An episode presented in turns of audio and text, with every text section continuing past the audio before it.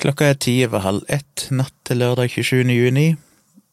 Meg og Tone og dattera mi har binge-watcha 90 Days to Ed.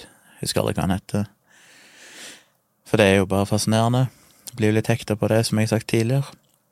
Så jeg driver og korrumperer dattera mi med å se på sånne programmer. Det er ikke bra. Men vi har kost dere. Vi har Dattera mi har hatt eh, besøk av ei venninne, så de var ute og herja. Så ikke noe til de, de var bare ute hele tida, helt til hun måtte reise. Og etterpå det så grilla vi litt. Jeg hadde en uheldig opplevelse på butikken.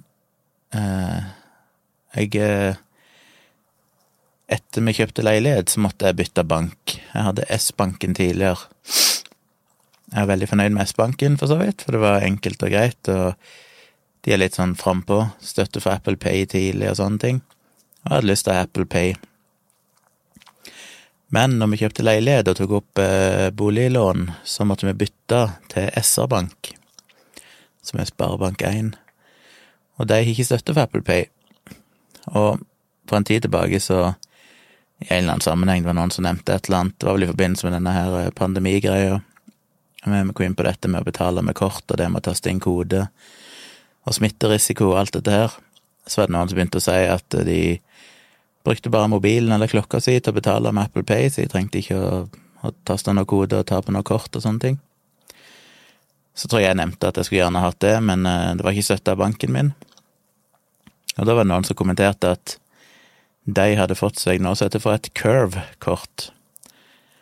Og med dette Curve-kortet så kan du ha et bankkort, og så kan du knytte dine andre kort, enten det er Visa eller Mastercard, opp mot det kortet, så du får på en måte ett kort som inneholder alle de andre kortene, uansett hvilke banker de kommer ifra. Og så kan du betale med det kortet, og det kortet støtter også Apple Pay, så selv om du har en bank som ikke støtter Apple Pay, så får du det med dette Curve-kortet. Så jeg måtte bare sjekke litt, og jeg så det var omtalt i norske aviser, det ble testa, og virker jo seriøs, så jeg tenkte at eh, det må jeg prøve ut. Så jeg bestilte meg et curve-kort. Du kan få det i tre forskjellige versjoner, litt utseende. Det dyreste er litt sånn eksklusivt eh, metallkort, men det koster noen dollar i måneden å ha.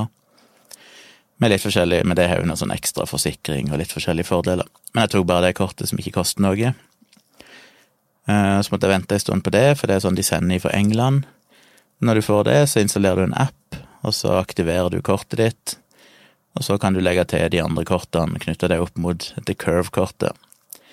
Og det praktiske med det er at da kan du bare ha med ett kort, og så kan du betale med det alltid. Du velger vel hvilket et av de andre kortene som er default. Så når du betaler med curve-kortet, så blir det jo egentlig belasta et av de andre kortene.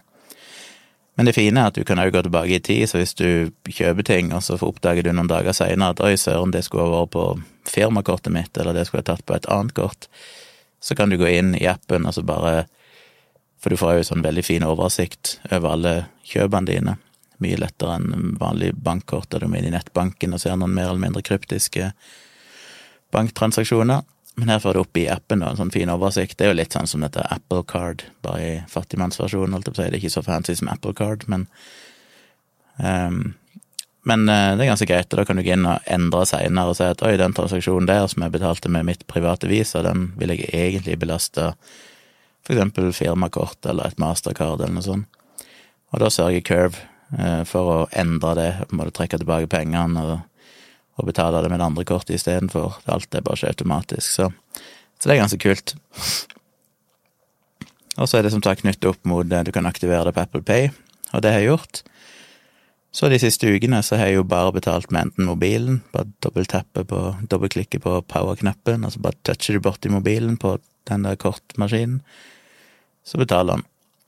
Og så i det siste jeg har jeg òg våga meg frampå, jeg er alltid redd for sånn, for det er så flaut hvis ikke det funker. Men jeg måtte bare prøve å gjøre det med klokka mi. Jeg har jo en Apple Watch, og det funker jo også en drøm. Så nå har jeg begynt å bare betale med klokka. Bare trykke to ganger på knappen på klokka og touche klokka borti, og så er jeg betalt. Og så får jeg en notification et par sekunder etterpå ifra Curve-appen at uh, dette så og så mye er blitt belasta, Curve-kortet. Så alt har jo vært vel og bra. Helt fram til i dag. Jeg hadde vært og shoppa litt grillmat og sånn, sto i butikken her borte. Skulle betale med klokka. Funka ikke. Så jeg trodde jeg kanskje jeg hadde gjort noe for tidlig, så jeg prøvde på nytt. Funka ikke igjen. Så tenkte jeg ja vel, da får jeg eh, dra opp eh, det fysiske curve-kortet og prøve med det. Så prøvde jeg, og da krasja først hele kortautomaten, så den reboota. Eh, så håpet jeg at det var bare den det var noe galt med. Men da den kom opp igjen, og jeg prøvde enda en gang til, så fikk jeg bare decline hele tida. Og det er jo noe av det verste jeg vet, når det sender mange folk i køen der, og du står og herjer og bruker mange minutter, og det virker ikke, og alle tenker sikkert bare 'å, han har ikke dekning på kortet'. Som jo er en idiotisk ting å bekymre seg over, men uh, føles alltid så teit. Så ja, så hadde jeg ikke mye annet å gjøre enn å si 'kan jeg stikke hjem og hente et annet kort'? For jeg bor jo bare et par hundre meter fra butikken, så det var så kjapt. Um, ja, kanskje en underdrivelse, 300-400 meter fra butikken. Så eh, sa han ja, greit, så pakka jeg bare tingene, alt jeg hadde kjøpt, i to poser, så opp, oppbevarte han de i butikken der, og så måtte jeg gå hjem og hente et vanlig visakort og gå tilbake igjen og betale. Men idet jeg gikk ut av butikken, så på vei hjem så bare åpna jeg den Curve-appen, og der sto det at uh, kortet mitt hadde blitt suspended. Tenkte jeg jaha, så var det en sånn knapp med 'les mer'. Om du trykte på den, så kom en til en lang artikkel der de skrev at uh, en av deres samarbeidspartnere vet ikke hvilken rolle de har, men en eller annen samarbeidspartner som tydelig håndterer et eller annet av transaksjonene med disse kortene, eller sånt, hadde uten forvarsel plutselig Ja, nå husker jeg ikke helt, jeg leste ikke nøye, men jeg tror de hadde blitt pålagt av amerikanske myndigheter eller et eller annet sånt og shutta down. Så bare sånn helt uten forvarsel så var bare alle kortene til Curve suspended fordi at denne samarbeidspartneren ikke lenger funka. Eh, og det sto et eller annet om at de hadde jobba i lang tid med å prøve å bytte, for de visste vel at det var et eller annet galt med denne samarbeidspartneren, så de hadde jobba lenge med å prøve å flytte over til noe annet. Og den prosessen vil jo nå selvfølgelig fremskynde enda mer, siden nå virker ikke kortene. Som jo er mildt sagt litt uheldig for det selskapet. Så ja, det betryggende var jo at det var ikke noe galt med meg, holdt jeg på å si, eller kontoen min. Det var jo SEPA-kortet som var suspended, som alle andre kortene deres tydeligvis er. Og dermed virker jo ikke Apple Pay eller noen ting. Um, det kjipe var at ikke jeg visste om det. Først i kveld fikk jeg plutselig en notification der det sto en melding fra Curve. All the cards have been suspended. Så jeg takk for det, men det kunne nok jo ha sendt ut seks timer tidligere, når jeg faktisk sto i butikken, og, eller før jeg sto i butikken og dreide meg ut. Så da får jeg eh, gå tilbake igjen til å bruke kort en periode. Håper de får orden opp i dette. Det er litt sånn kjipt når du er blitt vant med Apple Pay og bare bruker klokka eller mobilen til å betale. First world problems. Så jeg håper de får fiksa det relativt snart, for jeg er litt avhengig av det. Uh, ja, det er veldig behagelig å ha den alle mulighetene som heter curve-kortet gir. Så jeg håper de får fiksa det. Det var min lille tragiske historie for dagen, som heldigvis ordna seg når jeg fikk henta et annet kort. Kom på at jeg fikk for noen dager siden et spørsmål inne på Patrion i innboksen min, og det syns jeg jo er veldig, veldig hyggelig. Um, det er Andreas som stiller et godt spørsmål. Han, uh, han har skrevet en ganske lang melding. Jeg kan bare oppsummere poenget hans, som egentlig er at han stiller spørsmålet hva hvis Trump eh, prøver å presse amerikanske myndigheter til å godkjenne en vaksine før valget, som jo da vil sikkert se positivt ut for han, og være viktig kanskje før et valg, og vise at liksom USA, som under hans ledelse, har kommet med en vaksine mot covid-19, eller mot koronaviruset. Og det Andreas spør om, er at eh, hva vil konsekvensene av det være hvis eh, vaksinen egentlig ikke er godt nok testa, og vi ikke egentlig vet om den virker, men men Donald Trump og, og administrasjonen der på en måte påvirker helsemyndighetene til å faktisk godkjenne en sånn vaksine for tidlig. Um, ja, for det vil styrke hans Han har jo denne her mantraet om at USA på en måte har vunnet viruset. Ifølge Donald Trump så er det jo full kontroll, selv om det er jo helt krise der borte når smittetallene øker jo og øker jo. De har jo null kontroll, og det blir jo bare verre. Nå ser jeg jo at eh, EU òg vel mest sannsynlig kommer til å nekte amerikanere å reise inn i, i Europa ganske snart. Det er jo interessant. Men han stiller det spørsmålet. Han viser jo til dette her hydroks, hydroxychloroquine Hyd, Hydroxyklorin, er det dette på norsk? Hydroxyklorin. Ja, det vet jeg faktisk ikke. Men denne malariamedisinen var det vel, som Trump promoterte så veldig, og som til og med helsemyndighetene endte opp med å på en måte godkjenne, før de nå måtte trekke tilbake den godkjennelsen for noen dager siden, når det viser seg at eh, den ikke virker, og sannsynligvis øker risikoen for forskjellige helseskader. Så det kan jo være, jo folk som har spekulert i om det er om helsemyndighetene følte seg pressa av Trump, om det var krefter under overflata der som presser de til å godkjenne en medisin som egentlig ikke var godt nok testa, og så. Og så stiller Andreas spørsmålet at hvis dette skulle skje, da, hvis en covid-19 eller koronavirusvaksine skulle bli godkjent prematurt, um, vil ikke det være noe som vaksinemotstandere kan bruke til å argumentere for at hvis denne vaksinen er utrygg, hvorfor skal vi stole på andre vaksiner? Og at det kan eventuelt øke vaksineskepsis der ute. Så han lurer på hva jeg tenker om det. Han viser jo til en artikkel i The Guardian, som jeg for så vidt kan lenke under denne podkasten, så dere kan lese litt mer utfyllende hva dette handler om. Men ja, hva tenker jeg om det? Det første jeg tenker, er at ja, jeg ser selvfølgelig problemstillinger, og vi har jo ingen ingen uh, betenkeligheter med å anta at uh, Trump er mer enn villig til å ofre amerikaneres liv og helse for å vinne et valg. Så jeg tviler ikke et øyeblikk på at hvis han hadde mulighet til å gjøre noe sånt, så ville han gjøre det. Hvis det kan øke sjansen for at han vinner et nytt valg. Så dette står ikke på han, men jeg eh, har vel Det er på en måte to spørsmål her. Det ene er jo kan dette skje i USA? Kanskje. Men jeg vil òg tro, som de sier i denne her artikkelen i The Guardian, at disse dataene vil være temmelig gjennomsiktige, eh, transparente. Altså, for at en vaksine skal godkjennes Apropos det, da, så skrev jo faktisk at NO debunka jo en bloggpost som han er idioten Are Hegeran, som jo er en av Norges for tiden fremste vaksinemotstandere, hadde skrevet med masse spekulasjoner og konspirasjonstenking rundt en fremtidig vaksine, da de blant annet pekte på et vaksineforsøk på en eh, Hvor mange var det? Noen titalls personer som hadde testa en av de første covid-19-vaksinene. Og en av de hadde blitt, eh, eller x antall prosent, hadde blitt eh, fått alvorlige bivirkninger. Jeg tror det var 9% i den gruppa som fikk mest. For det de gjorde, var at ei gruppe De fikk vel de hadde vel ei kontrollgruppe som fikk ingenting, og så hadde de noen som fikk en viss dose vaksinen, og så hadde de ei gruppe som fikk en større dose. Eller så var det tre grupper som fikk tre forskjellige doser. Jeg Husker ikke helt. Men en liten prosentandel av de som fikk den kraftigste dosen, fikk da bivirkninger som ikke var livstruende eller noe sånt, men var ubehagelige i noen dager. Og han skrev om dette og misrepresenterte statistikken og dataene på så at han ene fyren som hadde blitt intervjua om dette, hadde blitt pressa til å ikke nevne noe om bivirkningene og bla, bla, bla, selv om det var bare tull. Les den faktisk, og denne artikkelen, hvis dere vil det. Poenget mitt var at det òg Are Hegeran her misforstår, er jo nettopp prosessen i testing av legemidler og vaksiner. Dette skriver jeg jo mye om i placebo-defekten, eh, men kort sagt så er det jo disse forskjellige fasene, da.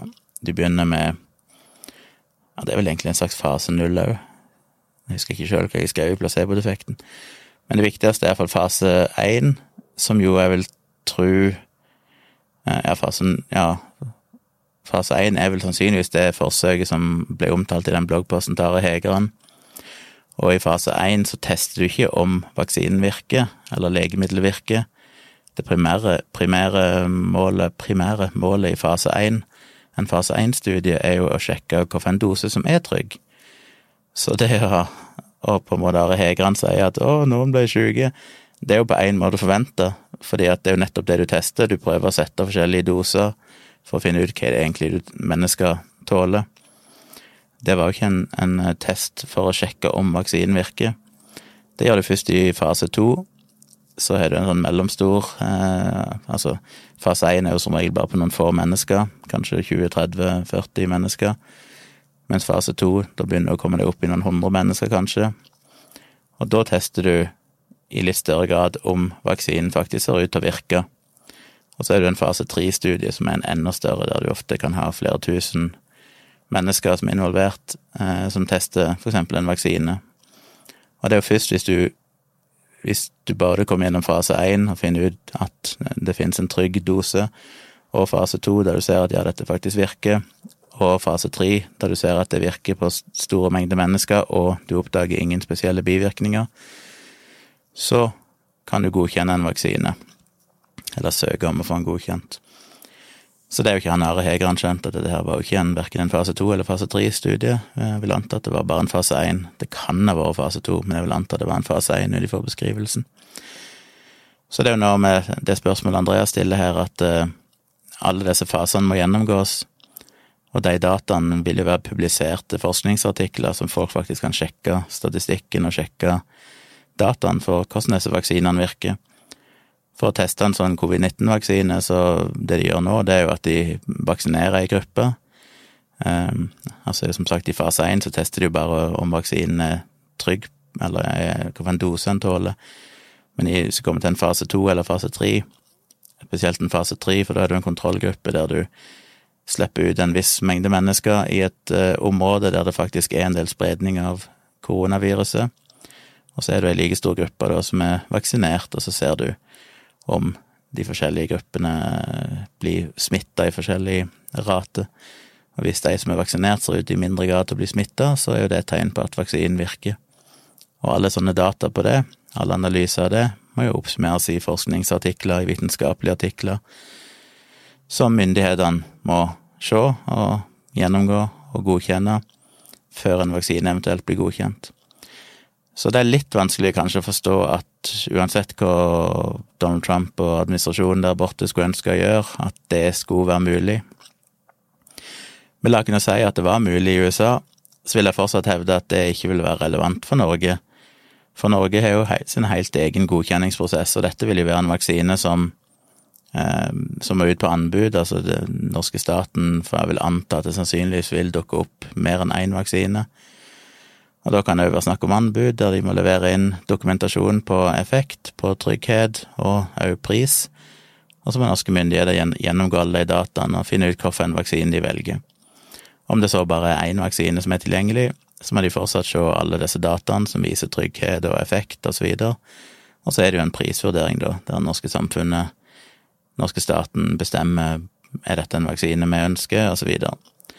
Uh, og det er det ikke alltid det. For eksempel tok det jo en god stund før en begynte å vaksinere gutter mot HPV-viruset, for det, selv om alt tyder på at vaksinen òg virka på gutter, uh, og det kunne være nyttig og viktig, så ble det vurdert at det ikke var sånn samfunnsøkonomisk forsvarlig før nå for et de var det et par år siden eller sånn, de begynte å vaksinere gutter på lik linje med jenter. Så det er jo en vurdering som alltid må gjøres, men altså, det er jo det, En må jo sende inn data og vise at det er gjennomført fase tre-studier osv. Så, videre. så det er jo ikke sånn at hvis en vaksine blir godkjent i USA, så vil den automatisk bli brukt i resten av verden. Så vidt jeg vet, jeg kan ikke tenke meg noe annet, så vil det må måtte godkjennes uavhengig i blant annet Norge. Og da må norske helsemyndigheter faktisk se disse dataene og vurdere dem. Eh, så jeg ja, altså worst case, kanskje det kan skje i USA.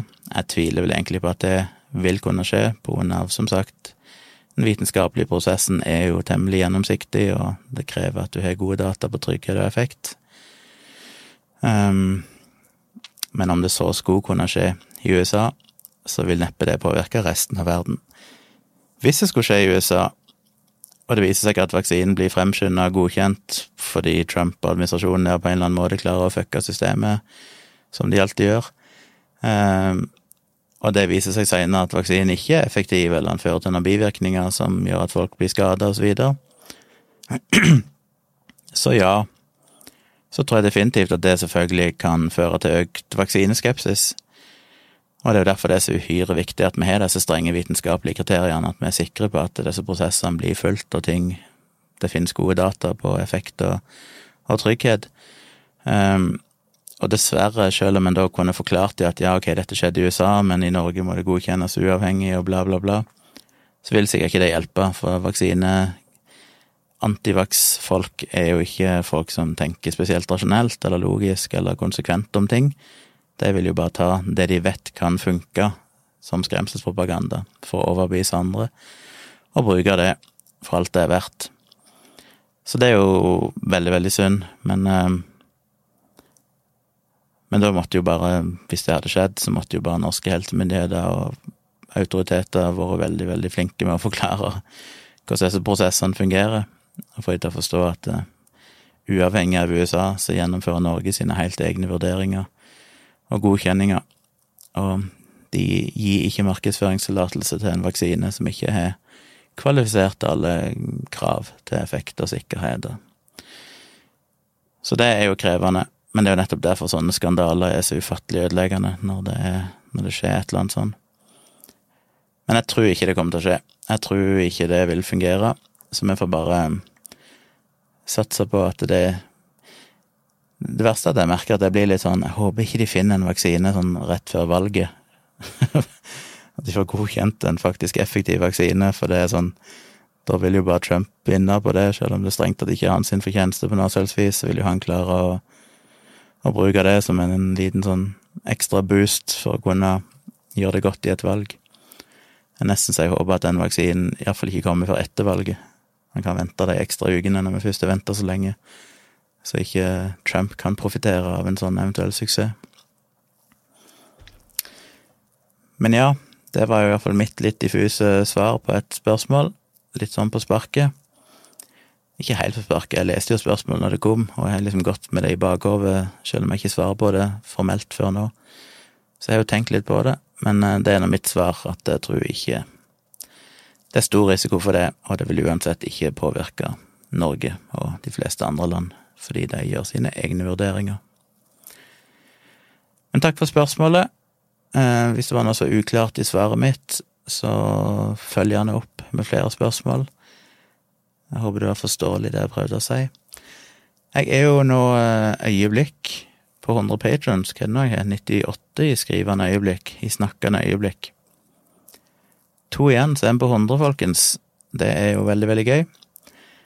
Eh, og jeg har fått noen meldinger fra folk, fra nye patrons, som jeg syns er utrolig hyggelig. Jeg blir ja, det høres sikkert Ikke sikkert dere tror det, men, eh, men, det betyr veldig mye for meg. Jeg blir oppriktig veldig, veldig glad når noen skriver at de syns eh, at de har lyst til å støtte det arbeidet jeg gjør, og at det er verdifullt og sånne ting. Fordi, som jeg har sagt tidligere, så er jeg jo sikkert litt for kritisk til det jeg driver med sjøl, og ikke alltid helt skjønner at det er faktisk noen som setter pris på det.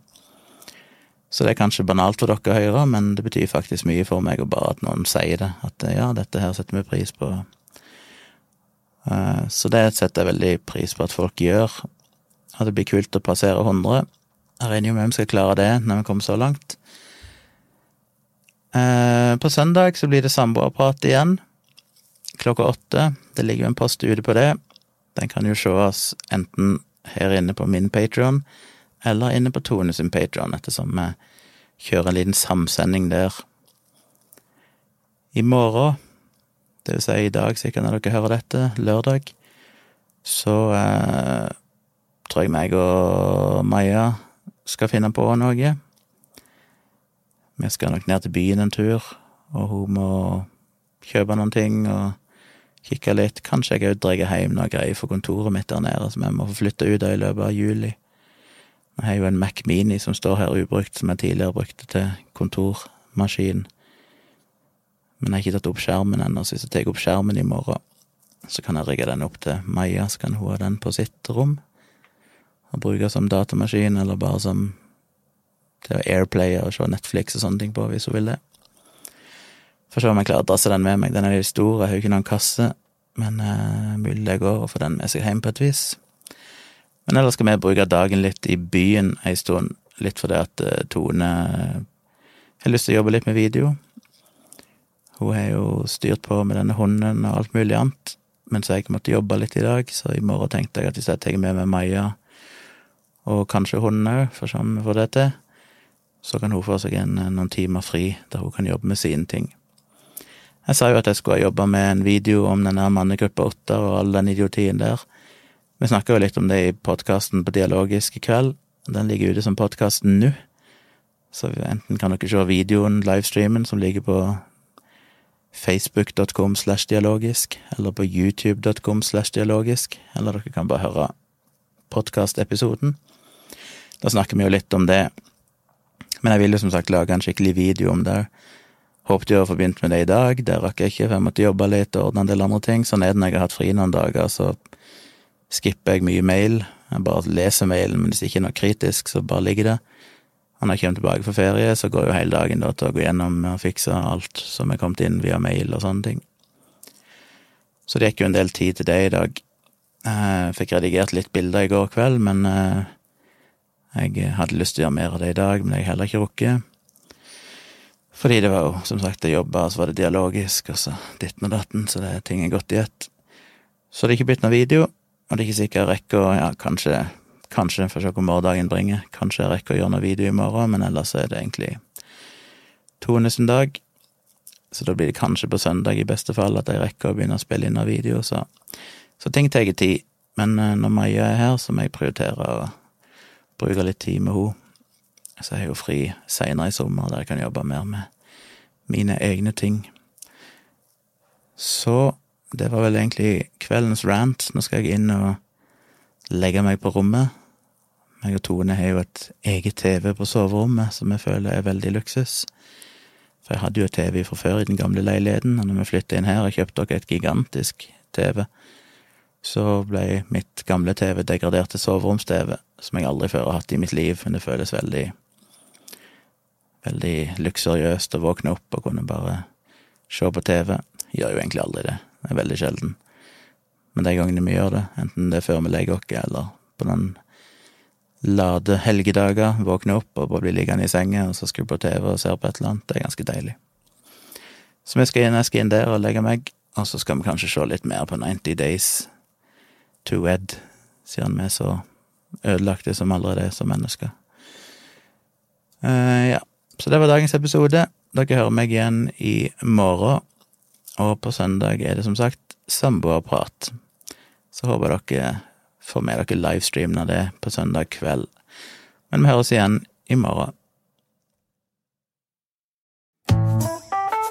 Har du et enkeltpersonforetak eller en liten bedrift? Da er du sikkert lei av å høre meg snakke om hvor enkelt det er å sende faktura med fiken. Så vi gir oss her, fordi vi liker enkelt. Fiken superenkelt regnskap. Prøv gratis på fiken.no.